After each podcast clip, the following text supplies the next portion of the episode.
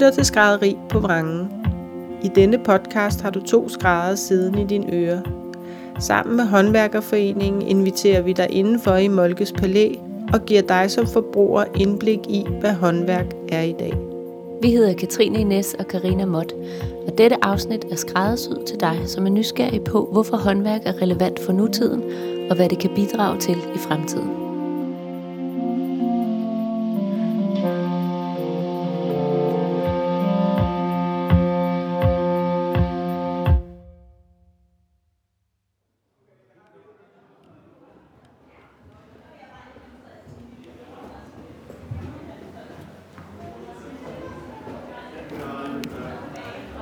Hej Katrine. Hej Karina. Nu er vi da kommet ud på tur. Skrædderi på Vrangen på tur. Hvor er vi, øh, hvor er vi henne? Vi er i Molkes Palæ, og det er jo øh, Håndværkerforeningens hus, vores klubhus. Øhm, og der er kulturnat i København i aften. Og det betyder, at Håndværkerforeningen har slået dørene op til Molkes Palæ og inviteret en masse håndværkere ind for at tale om deres håndværk, vise deres håndværk frem. Øhm, og vi har så været så heldige at blive inviteret af Håndværkerforeningen til at lave et afsnit af vores dejlige podcast herindefra i aften. Og det har vi selvfølgelig sagt ja til, fordi at øh, vores podcast univers jo godt kan bredes ud mere tværfagligt, og øh, så har vi tænkt os at stille de samme spørgsmål, som øh, vi siger i vores introduktion. Hvad, hvad er vores, hvorfor er vores håndværk relevant for nutiden, og hvad kan det bidrage til i fremtiden? Så det er vi super nysgerrige på, øh, og snakke med nogle, øh, med nogle håndværkere om.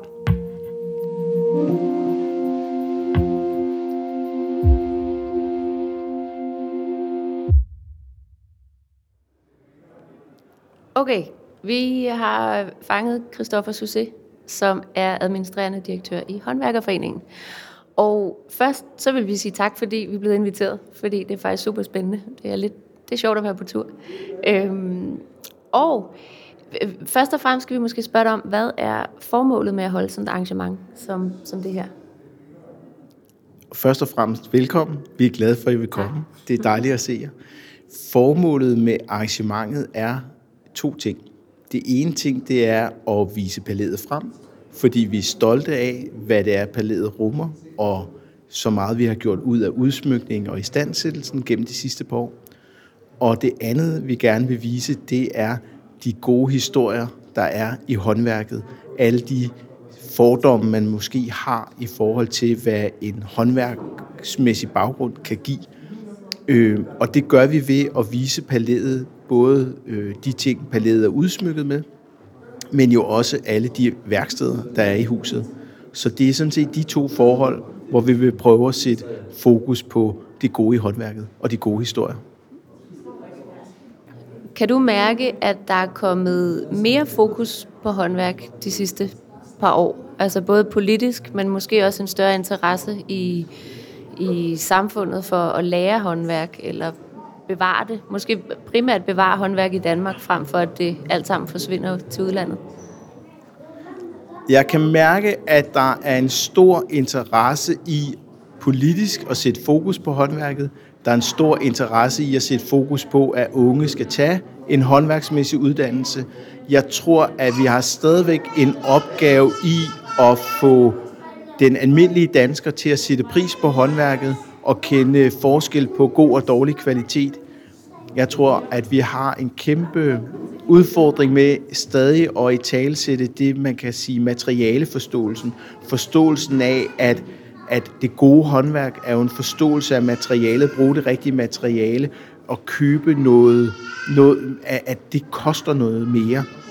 Og, og det tror jeg er en konstant opgave, fordi der stadigvæk er et fokus på, at, at man kan købe ting billigt.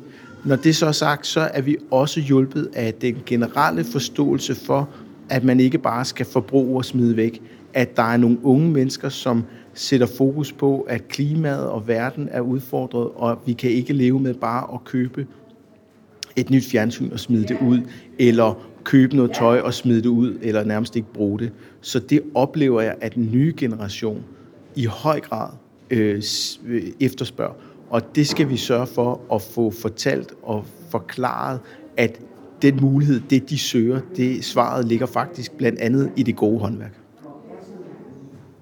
Super fint og interessant. Så øh, vi vil øh, prøve at finde nogle håndværkere rundt her i palæet og, øh, og spørge ind til, hvad, hvad deres syn er på øh, nutiden og på fremtiden og på deres fag. Så tak.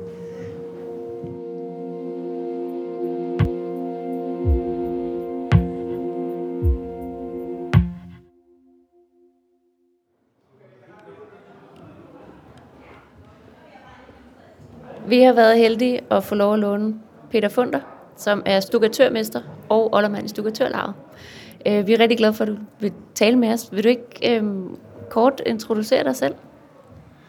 Ja, mit navn er som sagt Peter Funder, og jeg er øh, den ene halvdel af firmaet Brødrene Funder, og jeg er i øjeblikket stukatør og oldermand for Københavns øh, stukatørlag. Hvad laver en stukatør? Vil du ikke, øh, vil du ikke prøve at fortælle os det? Øh, en stukatør laver, øh, det folk jo bedst kender os for, det er stuklofter. Ganske almindelig en gesims rundt øh, imellem væg og loft og en roset i midten af rummet. Øh, men en stukatør laver en helt del andet arbejde også. Øh, vi øh, er en stor del af vores arbejde er også øh, på facaderne af bygningerne. Så snart der er ornamenter og pynt på facaden, så er det stukatøren, der laver arbejdet. Vi har også en hel del arbejde med restaurering, og det er både restaurering af lofter øh, i de fredede bygninger, men det er også øh, restaurering af sandstensornamentik, hvor øh, nedbrudte øh, skulpturer, der er øh, hugget i sten, der er vi det første håndværkerled, der kommer ind og tager et aftryk af øh, det, der er tilbage, laver en gipsafstøbning. Den gipsafstøbning går så typisk til en billedhugger, der rekonstruerer i den rigtige øh, stilart, og så har man en model, som kan gå til stenhuggeren, som stenhuggeren kan hugge efter. Derudover så arbejder vi med øh, moderne kunstnere. Vi, laver, vi er det første håndværkerled, der kommer på, når en billedhugger har skabt sin skulptur i ler. Så er det os, der tager et aftryk af leret, altså laver en form, støber den over i gips. Øhm, den gipsafstøbning kan billedhuggeren så arbejde videre på, og derefter kan den gå til en stenhugger, eller vores form kan gå videre til en bronzestøber, som støber voks i vores form, øh, som så går videre ind i øh, produktionen af en bronzeskulptur. Hvordan er det at være stukatør i dagens Danmark? Hvordan har faget det egentlig? Faget har det godt. Altså, da jeg kom i lære, i, det var i begyndelsen af 80'erne, der var stukatørfaget et uddøende håndværk. Der var under 10 aktive stukatører tilbage i Danmark, og de var sådan set over pensionsalderen. Øh, og vi var så et par stykker, der blev, øh, kom i lære, øh, og jeg blev, var den, der blev hængende. Og øh, man kan sige sådan, øh, faget havde lidt voldsomt under øh, energikrisen, hvor man sænkede lofter, lavede brædelofter, øh, og sænkede lofterne i de, i, øh, i de højloftede lejligheder. Øh, og man isolerede, og den her isolering af, af bygningerne var sådan set med til at redde vores fag, fordi øh, en del af den isolering var, var blevet udført forkert, og den skabte svampeskader. Så øh, vores arbejde i den første halvdel af 80'erne, den bestod øh, i at øh, øh, skifte stukken, øh, efter at øh, svampeskaderne var blevet udbedret. Det var på fjerde og tredje sal, øh, facadevæggen og halvanden meter ind i hvert rum. Og det skabte basis for, at, øh, at der kunne komme en ny generation øh, af stukatører. Og i dag er vi vel øh, lige knap 30, øh, der har øh, øh, svendebrev, men øh, der er flere, der er beskæftiget i faget i dag. Vi, vi er jo meget afhængige af, hvordan øh, moden er øh, i tiden. Øh, når vi arbejder med, med billedhugger i dag, så er det jo fordi billedhuggerne øh, ønsker at arbejde med skulptur på den måde. I 60'erne, øh, der, der øh, arbejdede billedhuggerne slet ikke på den måde. Der var det ting, de selv satte sammen, og skulpturen blev skabt af, af, af de materialer, de lige havde. Og, og det, har, det gjorde jo, at, øh, at øh, der ikke var særlig meget arbejde for billedhuggere og for stukkatører. Mm. Øh, på samme måde så er, er nybyggeri i dag jo ikke fyldt med øh, en masse stuk. Øh, og det er, det er jo et spørgsmål om det design og, og den byggestil, der er i øjeblikket.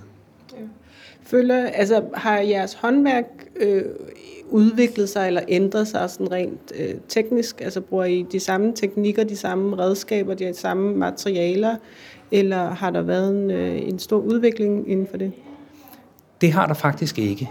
Øh, der er kommet nye materialer, øh, og den nye teknologi er jo også sådan lige om, omkring øh, rundt om hjørnet. Ikke? Det er ikke sådan helt klart, hvor, hvor meget den kommer til at fylde, men, øh, det, men den er på vej ind. Og der er kommet nye materialer, øh, silikonegummi til at lave form af. Øh, det var kun sådan lige noget, vi, øh, der, der var begyndt, da jeg kom i lære. Men måden, vi arbejder på, og principperne, vi arbejder efter, det er de samme. Øh, så selvom der er kommet gummi, så er vores forme stadigvæk bygget op på den samme måde, som de var for 50 eller for 100 år siden. Og derfor er det vigtigt, øh, øh, synes jeg, at man øh, holder fast i øh, de grundlæggende øh, teknikker, der er i faget. Selvom faget udvikler sig, så øh, bygger det på noget. Og og det er meget vigtigt, at de unge mennesker og, og, og de kommende lærlinge øh, får fat i de her grundlæggende ting, øh, selvom der kommer nye, øh, for eksempel ny teknologi ind i faget. Ja, sådan så man kan, for at kunne udvikle det, skal man ligesom kunne det, det grundlæggende øh, håndværk, kan man sige. Ja, det mener jeg. Det mener jeg er meget vigtigt. At have forståelsen af, hvordan er det en form er bygget op.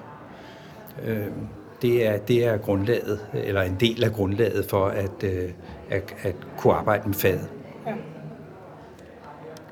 Gør du dig nogle tanker om, om fremtiden for, for stukkatørhåndværket? Altså, hvordan du gør du noget anderledes, fordi du er bevidst om, at du har du, du bærer det her håndværk videre, eller? Jeg ved ikke, om jeg gør noget anderledes, men, øh, men altså i lavet, der arbejder vi jo med uddannelsen, øh, og øh, vi er jo aktive i at øh, udvikle vores uddannelse. Øh, og øh, øh Altså perspektivet sådan for, øh, for vores fag, øh, det, det er, som jeg nævnte før, også jo afhængig af moden. Øhm, men øh, jeg er egentlig ret optimistisk øh, for faget, fordi øh, altså, jeg ser nu, i hvert fald i, i den tid, vi er i øjeblikket, at folk øh, vil gerne have noget kvalitet, øh, og øh, de vil gerne have noget at kigge på. Vi er pynt, øh, øh, og vi er dem, der bryder den øh, glatte flade, øh, og det er der mange, der, der sætter pris på. Øh, og det tror jeg øh, bliver ved. Lad os håbe det. det synes jeg. Tusind tak. Jeg synes, det har været super spændende også at høre dit øh, oplæg nede i salen tidligere. Så øh, ja, vi vil øh, prøve at fange nogle andre håndværkere rundt omkring. Så øh, tak. I måde.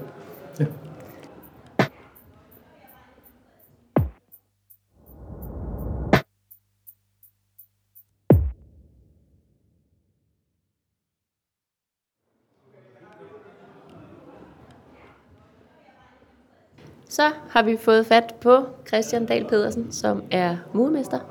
Vil du ikke præsentere dig selv? Jo, tak for ordet. Jamen, jeg hedder Christian Dahl Pedersen. Jeg er murmester, og så er jeg også oldermand i Københavns Murlag. Og hvordan er jeg med at blive murmester? Jamen, det er jeg, da jeg var færdig med skolen. Så gik jeg i lære som murer. Og da jeg var udlært murer, jamen, så startede jeg en murvirksomhed sammen med min bror, som også er udlært murer, tilbage i starten af 94. Og så har vi drevet murvirksomhed siden da. Og da vi startede, der var vi han og jeg, og i dag der er vi vel en 120 mand eller sådan noget lignende. Så øh, det er mig. Mm. Ja. Hvordan har øh, murfaget det i dagens Danmark? Hvordan, øh, hvordan går det? Murfaget har det godt. Der er fuldt tryk på og damp på kedlerne, var jeg ved at sige. Øh, murfaget har på en måde fået sin renaissance. Øh, det er blevet meget populært at lave murede facader med mønstre og reliefer i igen.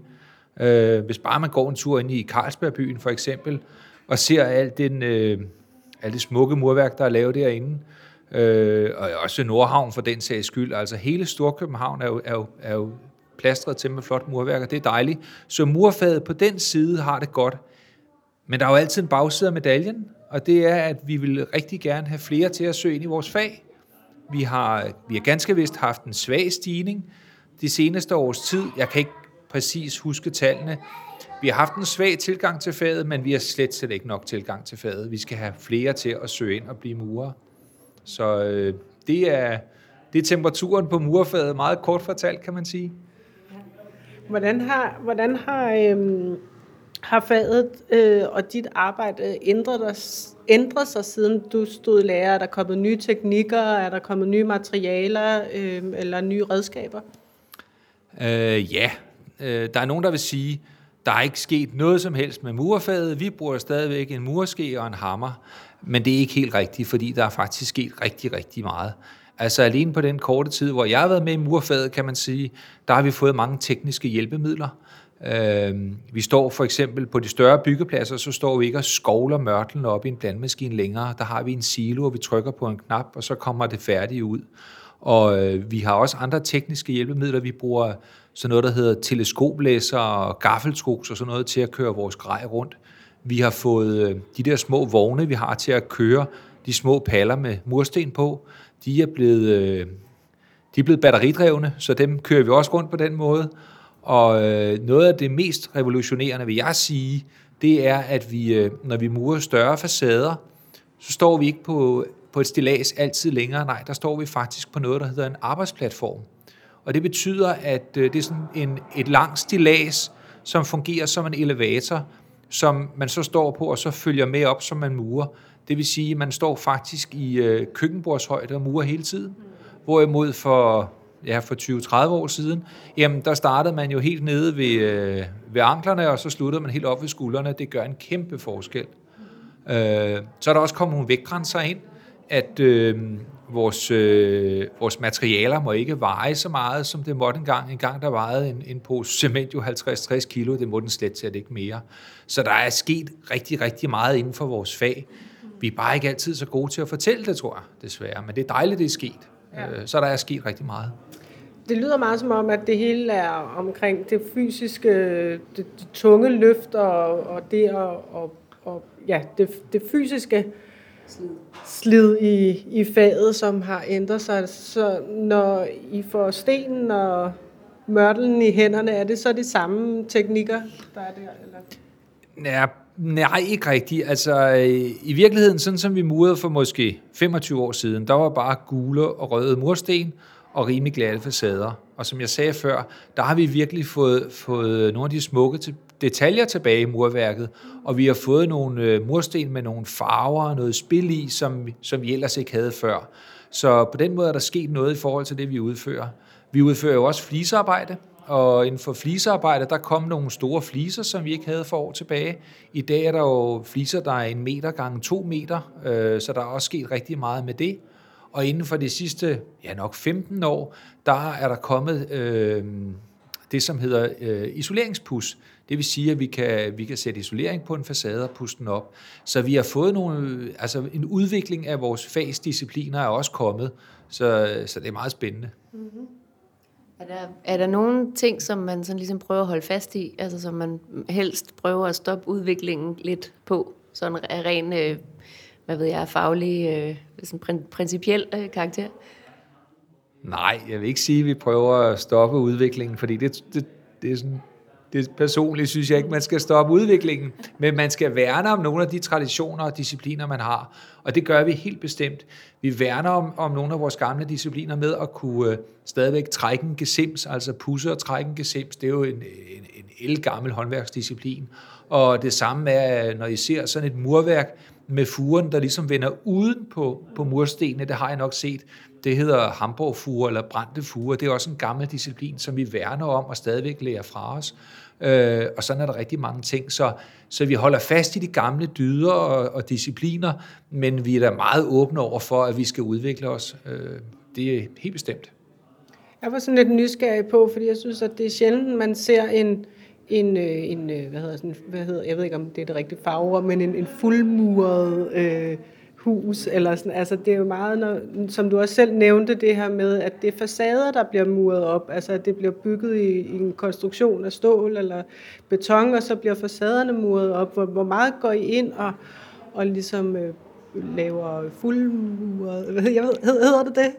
Jamen, det hedder præcis det, du siger. Okay. Det er så godt. Ja, det hedder fuldmuret med, med formur og bagmur. Mm. Øh, og jeg tør næsten ikke sige det, jeg skal sige lige nu.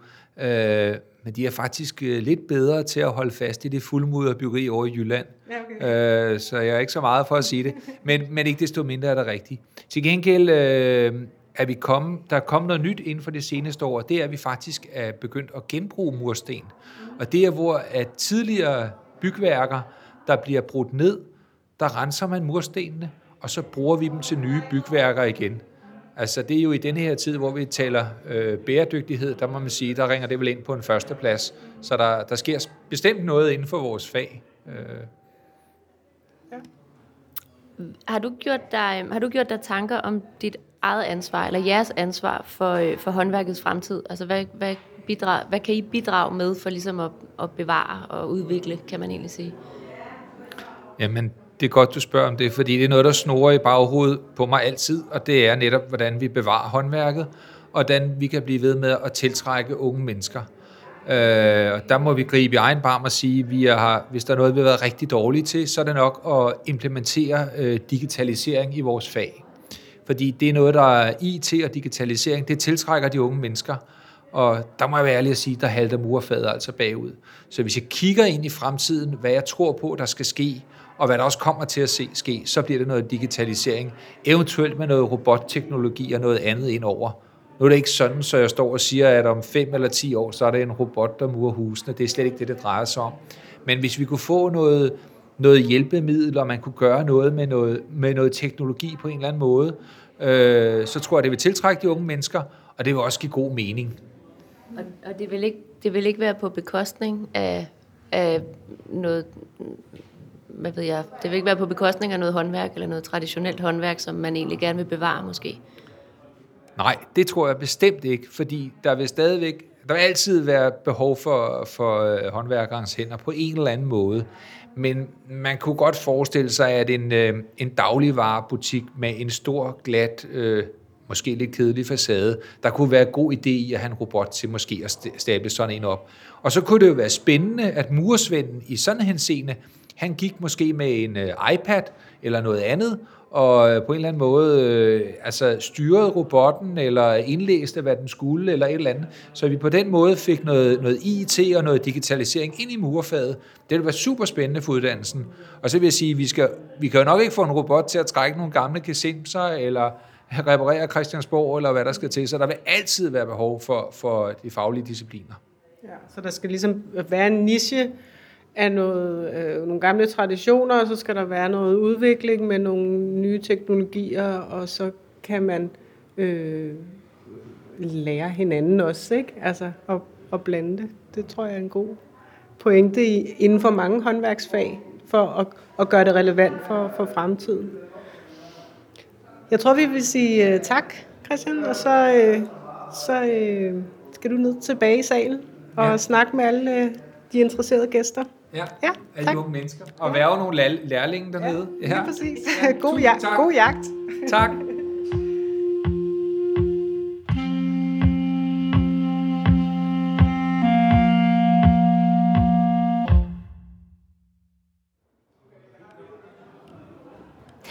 Vi har fanget Diana Winter, som er møbelpolster og viseoldermand i, nu skal jeg se, om jeg kan sige det rigtigt, øh, Københavns Tapecer og Sadelmagerlav.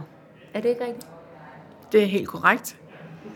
Øh, ja, jeg hedder Diana Winter, og jeg har en øh, lille butik eller værksted i Allerød, hvor jeg har en svend og en lærling ansat. Hvordan er det at være møbelpolstrer i dagens Danmark? Er der, er der noget at lave, og hvordan har faget det? Altså, der er jo noget at lave. Man kan sige, at coronaen har været rigtig god for os, fordi folk har kigget på deres hjem, fordi de kunne ikke gøre andet. Så der har vi haft styrtende travlt. nu kan vi mærke, at øh, folk gerne vil ud og rejse. De, de sparer lidt på deres penge, fordi de hellere vil ud og rejse. Men, øh, og man kan også sige, at det er en dyr ting at få lavet. Så øh, folk tænker en ekstra gang om, så om inden de gør det. Så når nogen kommer ned med et møbel, som skal ompolstres, er det så fordi, der er noget affektionværdi i det, eller er der en speciel kvalitet i, i møblet, eller hvornår vælger kunder at få ompolstret i stedet for at købe et nyt møbel? Øh, begge dele, som du siger. Dels fordi det er noget, de har arvet fra deres mormor eller deres bedstemor, og de kan se sig selv. Det har de siddet i, da de var børn. Men det er også nogle gange, fordi de har arvet et designmøbel også. Nu er vi jo ved at nå så langt hen, så, så det også kan være noget, de har siddet i som børn. Så det kan jo også være, fordi det er design. Og det, den har den værdi, at de får det ombetrukket. Hvordan ser du, at faget, har, har dit fag ændret sig, siden du selv stod i lærer? Altså, har, er der kommet nye materialer, er der kommet nye teknikker, er der kommet nye redskaber? Øh, hvordan ser du? Der er kommet en del nye redskaber, men jeg ved ikke, om der er kommet så mange nye øh, hvad skal man sige, materialer som sådan. Altså, man kan sige, at nogle af materialerne er blevet bedre, men det er stadigvæk skum og traditionelle øh, materialer, som vi har brugt os helt tilbage før vi blev født, skal jeg til at sige, før jeg blev født. Men, men, men ellers er det dels værktøj, der er kommet nye ting af, og som de har udviklet til noget bedre, ikke? Ja. Hvad, hvad for eksempel? Jeg, jeg ved ingenting om, øh, hvordan en, en møbelpost arbejder. Jeg ved, i, I gamle dage, når man øh, har lavet et sæde med fjeder og sådan noget, så hedder det, at man gennembinder det, så man får et fastere sæde, så man syr igennem hele sædet med en stor nål, der hedder en dobbeltspids, hvor den er, stikker i begge ender. Den syr man sædet igennem med. I dag der har man fået en, øh, en gennembindermaskine, som er del stadigvæk med en nål, men så kan man stikke den ned, og så kan man udløse en lille klips, der går om og sætter sig bagpå, altså om ved fjederne, i, med en tråd, og så kan man så stramme bagefter, ligesom man har også har gjort med den anden tråd, som man har syet med igennem i stedet for. Så det tager måske kun det halve af sy, syet sæde igennem med en gennembinder maskine i stedet for en nål med tråd. jeg, aner, jeg ved intet om, om det, jeg synes, det er dødspændende. Ja. Jeg, ved, jeg aner ikke, hvordan jeg vil gribe det an. Jo. Man kan også sige, fra, fra før i tiden til nu, har vi jo også fået klampistolen i stedet for søm og hammer. Mm. Ja, klampistolen er jo, kan man sige, virkelig en, en stor udvikling i vores arbejde. Ikke? Der er stadigvæk mange, der bruger søm og hammer, fordi at det gjorde man i gamle dage. Men i dag der er klampistolen klart det bedste redskab. Er der nogle teknikker, som du øh, holder fast i, altså på trods af, at der er kommet nye, øh, mere effektive teknikker, altså, er der noget, hvor du tænker, at det, det vil jeg egentlig gerne øh, blive ved med at gøre, som, som jeg altid har gjort, eller? Ja, der er nogle ting, hvor jeg, jeg, jeg kan ikke sådan sige, hvad det er, men der er mange ting, som jeg stadigvæk siger, jamen, det gør vi på den gammeldags måde, og, og det gør vi stadigvæk. Øh, også selvom andre måske siger, at der kan vi lige springe over og gøre noget andet, men jeg synes, det stadigvæk skal være på sådan, som vi har gjort i gamle dage, ikke? eller sådan, som man bruger håndværket. Ikke? Ja. Og er det fordi, at det giver en, en, en... Er der kvalitetsforskel i det, eller er det noget, er det noget sådan... Øh, hvad hedder sådan noget... Øh, det er vel noget kærkom, eller hvad hedder det? Kær, hvad hedder det sådan? En æstetisk følelse af, at det er korrekt, tror jeg, det, jeg vil kalde det. Ja, ja. det ja. Faglig, stolt, faglig ja. stolthed måske. Ja. Mm. ja. Hvordan ser, hvordan ser fremtiden ud for faget? Er der, er der tilstrømning? Altså er der øh, nye elever eller nye lærlinge, der kommer til? Altså der er jo der er elever, der kommer til, eller man kan sige, der er unge mennesker, eller mennesker, der gerne vil have øh, uddannelsen, men vores problem er, at der er ikke så mange pladser til de her elever, så der er virkelig stor run på de der pladser der. på at få det, og det er jo fordi rigtig mange møbelpolster, de er kun sig selv, eller, eller har en anden, og, og så skal tage en elev også. Det tager meget tid for, for mesteren, så man kan sige, hvad får han så ud af at tage en elev? Jo, han får den del ud af det, at han uddanner noget til vores samfund og vores, vores øh, møbelpolster-del. Men i det store hele får han jo ikke selv noget ud af det, fordi han skal gå fra for sit eget arbejde for at hjælpe hans elev. Så, så man kan sige, det er både godt og skidt. Det er også udfordringen i vores fag, ikke i skrædder. Skrædderfaget, der er det jo netop også os, der prøver at netop bevare nogle af de gamle håndværkteknikker. Vi, vi er jo små skrædderier, det er rigtig svært, og, øh, og fordi at man skal, altså at lærlingen jo skal have, skal have en reel løn og, øh, og, og kræver tid fra mesteren, ikke? så det er svært at få det til at, at køre. Men øh, vi har et sidste spørgsmål. Ja, øh, hvad, hvad har du gjort dig af tanker omkring øhm, at tage ansvar for fagets fremtid? Altså det, det, er sådan, det er tungt at bære det ansvar, ikke? men har du gjort dig nogle tanker om det? Ja, altså jeg har jo selv taget en elev, og jeg har også haft et mm, fire stykker selv førhen, jeg har udlært. Øh, så, så den del synes jeg, jeg, jeg gør øh, min pligt, kan man sige, for at få faget ført videre ud i tiden. Og så, øh, så bruger jeg også min tid på at skue til svendeprøver. Så jeg tager til Skive en gang om året og kigger på de der sakkes elever, der er til svendeprøve, og giver dem karakter. Men hvorfor er det vigtigt at bevare et fag som møbelpolstring? Det er det jo, fordi vi ikke kun skal leve med IKEA-møbler. Og fordi, at der er sjæl i de møbler, vi selv har lavet. Og fordi der er mange flere års levetid i. Det er faktisk billigere at få ombetrukket din sofa, fordi den kan holde i 30 år. Hvis du køber noget i IKEA, kan det holde i 4 år, og så skal du købe noget nyt. Så derfor skal vi bevare fadet. Det synes jeg er en god afslutning. Replik. og vi er enige, jo. Så tusind tak for din tid. Øhm, du skal tilbage ned i salen og snakke med alle gæsterne, som vi kan høre summe her i baggrunden, så, så man er nysgerrig på de forskellige håndværk. Vi finder hinanden håndværkere også at tale med.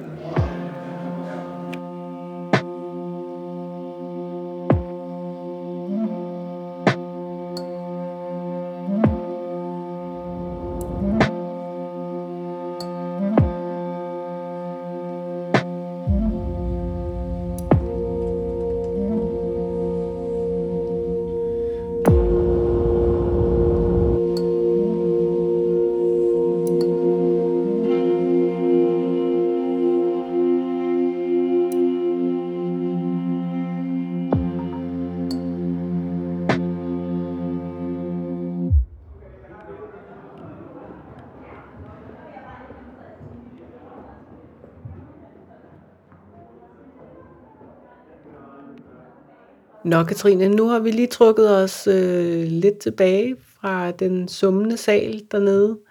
Det er da meget sjovt at være på tur. Det er super sjovt. Ja.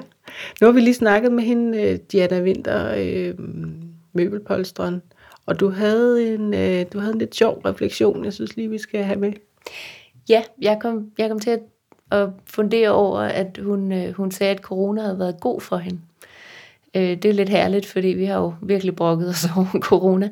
Men, men jeg kom til at tænke på Peter Funder, øh, stukatøren, som vi talte med helt i starten, som fortalte, at øh, stukatørfaget var blevet reddet. Øh, altså de havde siddet 10 øh, pensionsmodne stukatører i landet, og de var blevet reddet af øh, dårligt isoleringsarbejde øh, efter den her energikrise, øh, der havde været. Ikke? Hvordan, hvordan en eller anden udefra kommende virkelig skidt begivenhed, øh, som mange er trætte af, kan, kan være redning for, for et fag eller et håndværk. Det er lidt det samme. Hun siger, at nu har folk været hjemme og glod på de samme triste møbler, mm. og så har de haft lyst til at, til at investere noget i det. Ja, den, den, den ene nød den andens brød, ikke? Det kan man sige. Ja.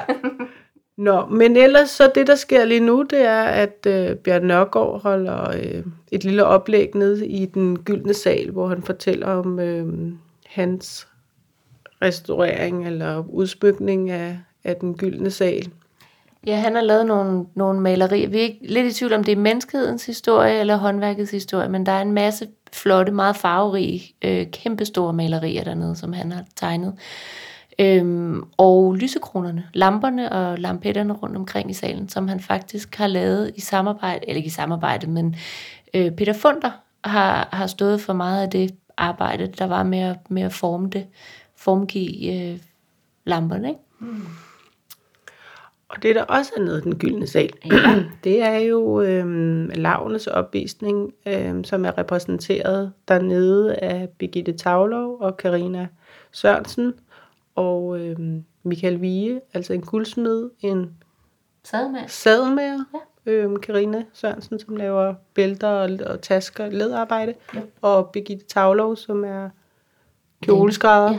Ja, ja. Øhm, og øhm, dem når vi det nok desværre ikke at tale med, fordi vi, øh, vi har et lidt stramt program. Men, øh, men vi har jo begge to, øh, jeg har deltaget mange år, jeg deltager desværre ikke i år, men du deltager jo i Lavdes opvisning ja. i år. Ja. Og øh, derfor føler vi godt, at vi kan tale lidt om, om, øh, om Lavnes opvisning, mm. fordi det er en super vigtig og festlig begivenhed, øh, som egentlig har været årligt tilbagevendende Ja, øhm, siden 2010, tror jeg, jeg var Det den 11. første, år. Ja, ja, det den 11. første år. gang, jeg var med.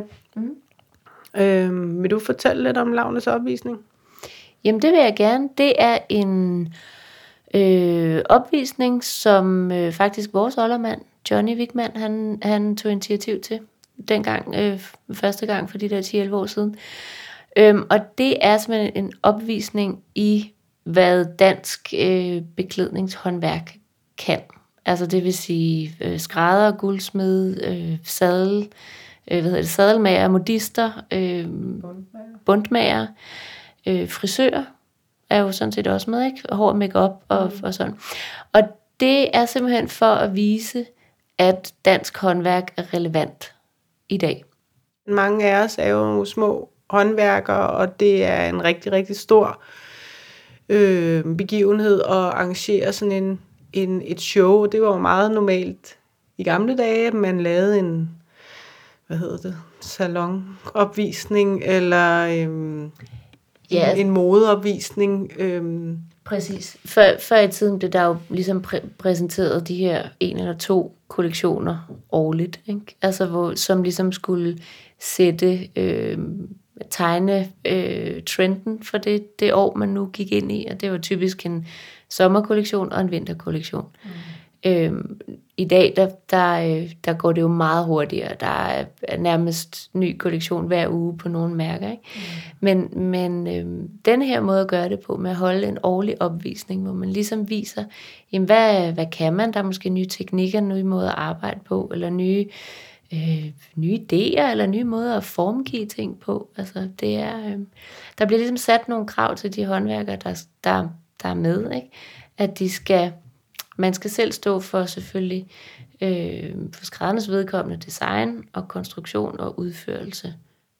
det finder sted inde her inde i den store sal, inde i Molkes Palæ, og efter, lige efter opvisningen, så går modellerne direkte fra catwalken og ind i øh, de tilstødende salonger, hvor at hver deltager har sat det, de har vist på catwalken op, sådan så at man kan, som publikum kan gå rundt i salongerne og se deltagernes ting helt tæt på, og måske røre og tale med håndværkerne, sådan så det ikke bare handler om øhm, noget, der ser ud på en catwalk, men det handler faktisk rigtig meget om det, der sker inde i salongerne bagefter, hvor man kan se det på bagsiden og se det tæt på og snakke med håndværkerne og få historien bag, hvorfor man har valgt de materialer, de snit eller, eller hvad det nu kan være. Øhm, så, så det er virkelig en, øh, også en, en, øh, en rigtig vigtig begivenhed for håndværket. Men altså, klokken er ved at være mange, og øh, vi har været her mange timer. Vi mangler lige de sidste øh, blinkenslagerne, har vi aftalt at, øh, at snakke med, så dem skal vi lige ned og have fat på, og så, øh, og så runder vi af til sidst, tror jeg. Og så er der også noget med en konkurrence med at slå søm i, ikke? Nå ja, den skal vi også lige have, den skal vi også lige have se, hvor, øh, hvem, der, øh, hvem der kan slå et, et stort øh, tømmersøm i på færrest slag. Jeg har en, øh, en forventning om, hvem der, øh, hvem der vinder, men vi må se. Jeg tror, det er mig. Jeg tror, det er mig.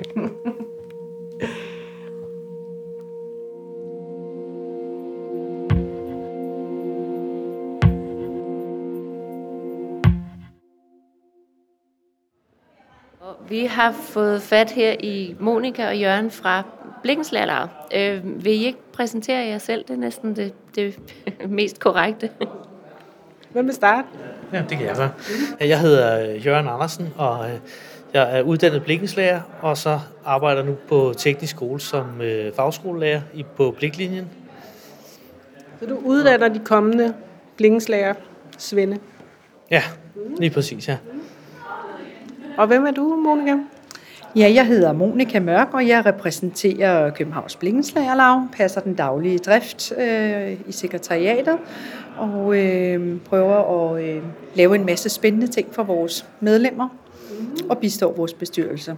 Ja, så det er sådan noget med at, at, at, at have et bredt billede på, på faget, og, og, og, og være med til at, at sætte måske en, en udvikling også. Kan man sige det? Det kan man sagtens, ja. Det er jo en, øh, et, et fag, som er i øh, stor fremdrift. Øh, Der sker en stor udvikling øh, konstant, og øh, Jamen, vi har jo, øh, vi er i gang med noget grøn omstilling, ikke? hvor at, øh, at øh, faget udvikler sig ret meget inden for det, både med indeklima, og vi har genvækst, og øh, vi har varmepumperne, som vi også har fået ind over faget, som noget nyt, ikke? Ja, vi prøver at stille jer spørgsmål, ja. fordi vi har nemlig øh, forberedt tre spørgsmål, som vi har stillet de andre ja. håndværkere også, som, øh, som går lidt i dybden ja. med, med, med, med det enkelte det Ja. fag. Øh, Katrine vil starte. Ja, det vil jeg gerne. Øhm, hvordan er det at være blikkenslager i dagens Danmark? Øhm, hvordan har faget det sådan helt generelt? Faget har det faktisk ret godt, og øh, hvad hedder det, der, der er brug for mange VVS'ere nu, ikke? Og øh, forholdene er også blevet bedre for, for blikkenslagerne, også især for blikkenslagerlærlingene, i forhold til øh, 50'erne, hvor at, at øh, blikkenslagerlærlingene faktisk ikke var noget særligt, hvor i dag er der stor rift om dem, og øh, der er lavet øh, praktikmål, som virksomhederne skal leve op til, når de ikke er på skolen, ikke? Sådan så at vi sikrer, at de får en rigtig god uddannelse. Ikke? Og vi udlærer rigtig mange øh, dygtige øh, blikkenslager nu, VVS'er og blikkenslager. Ikke? Er der meget at lave? Altså, er, det, er, er der efterspørgsel på, øh, på nye lærlinge, og ja. altså, der, der mangler, eller hvordan? Ja, der er faktisk lærepladser til alle dem, som, øh, som er på skolen. Og hvordan har faget udviklet sig? Altså, er der kommet nye materialer? Er der kommet nye teknikker? Er der kommet nye redskaber? Øh, fra måske dengang du gik i lære, eller, eller førhen?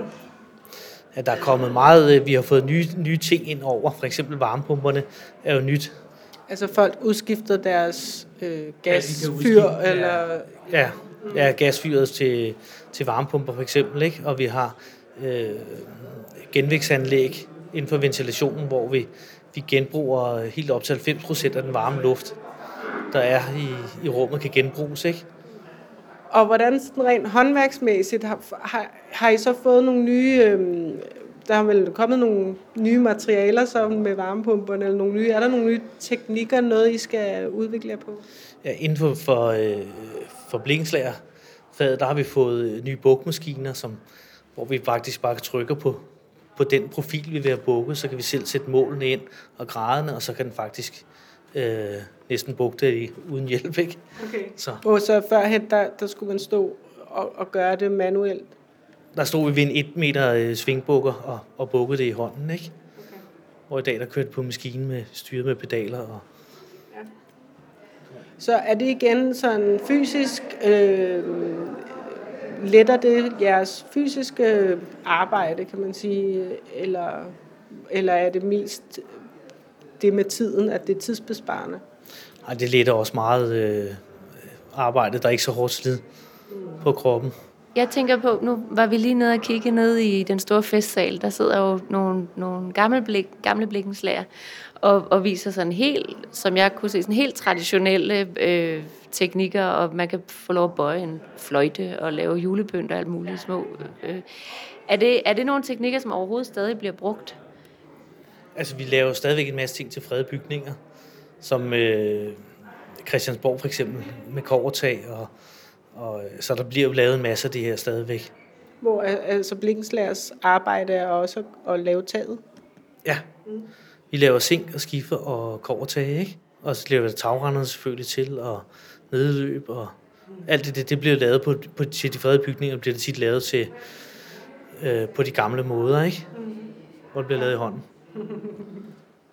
Og Monika, du står og peger. Hvad peger du på? Jamen, jeg peger på taget her på Molkes Palæ, hvor vi jo står. Det er jo også blevet renoveret forholdsvis nyt. Ja, okay.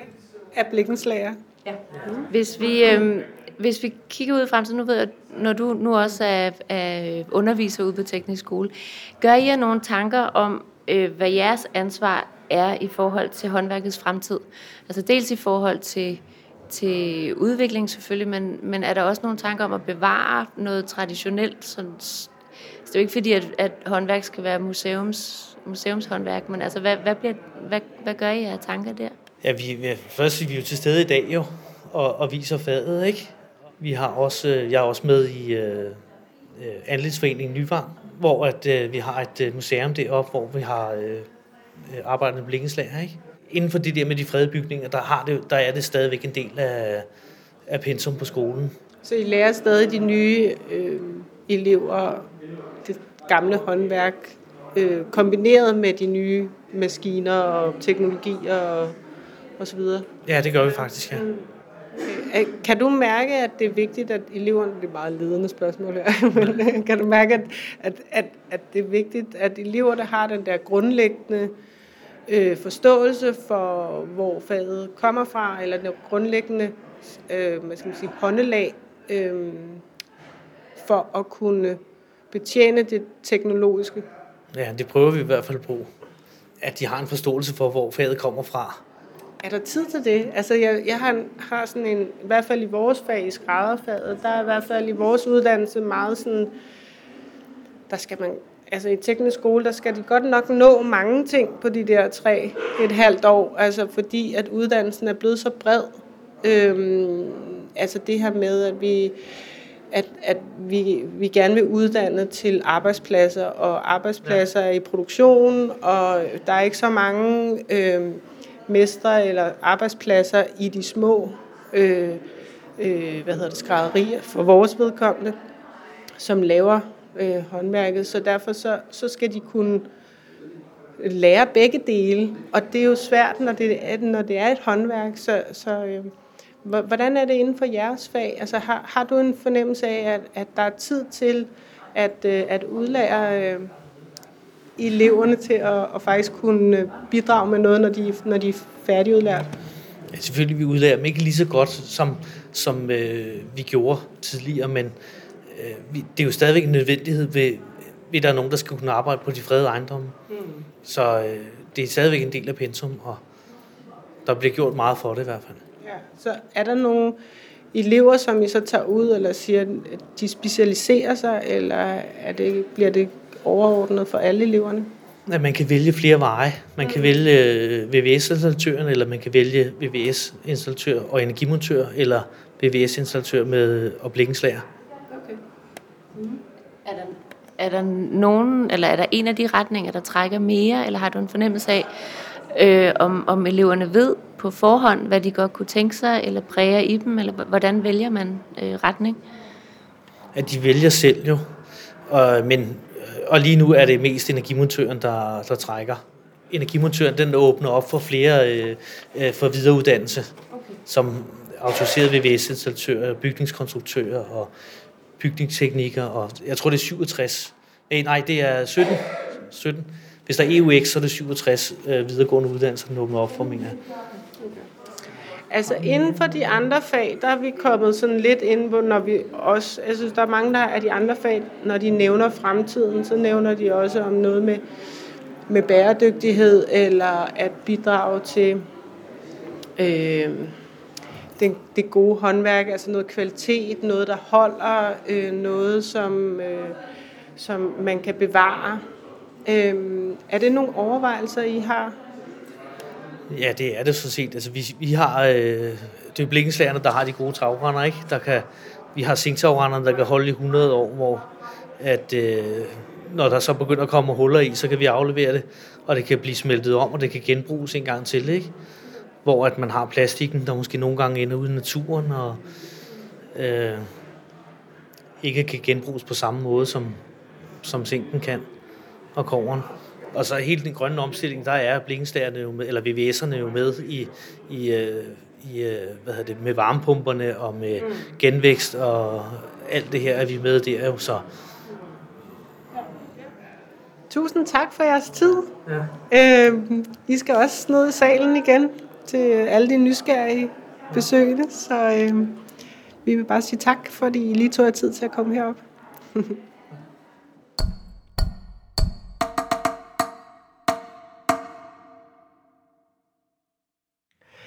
Nå, Katrine, nu har vi uh, trukket os tilbage her i vores uh, lille backstage-lokale, vi har fået stillet til rådighed her i Molkes Palæ, og har været rundt og snakket med alle uh, de engagerede, entusiastiske håndværker.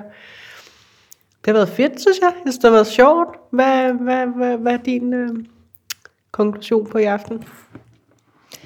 Jamen, jeg har stusset lidt, øh, måske ikke stusset over, for det er faktisk ikke kommet bag på mig, men at øh, man kan have nogle, nogle øh, fælles sådan, øh, kernepunkter i de forskellige fag.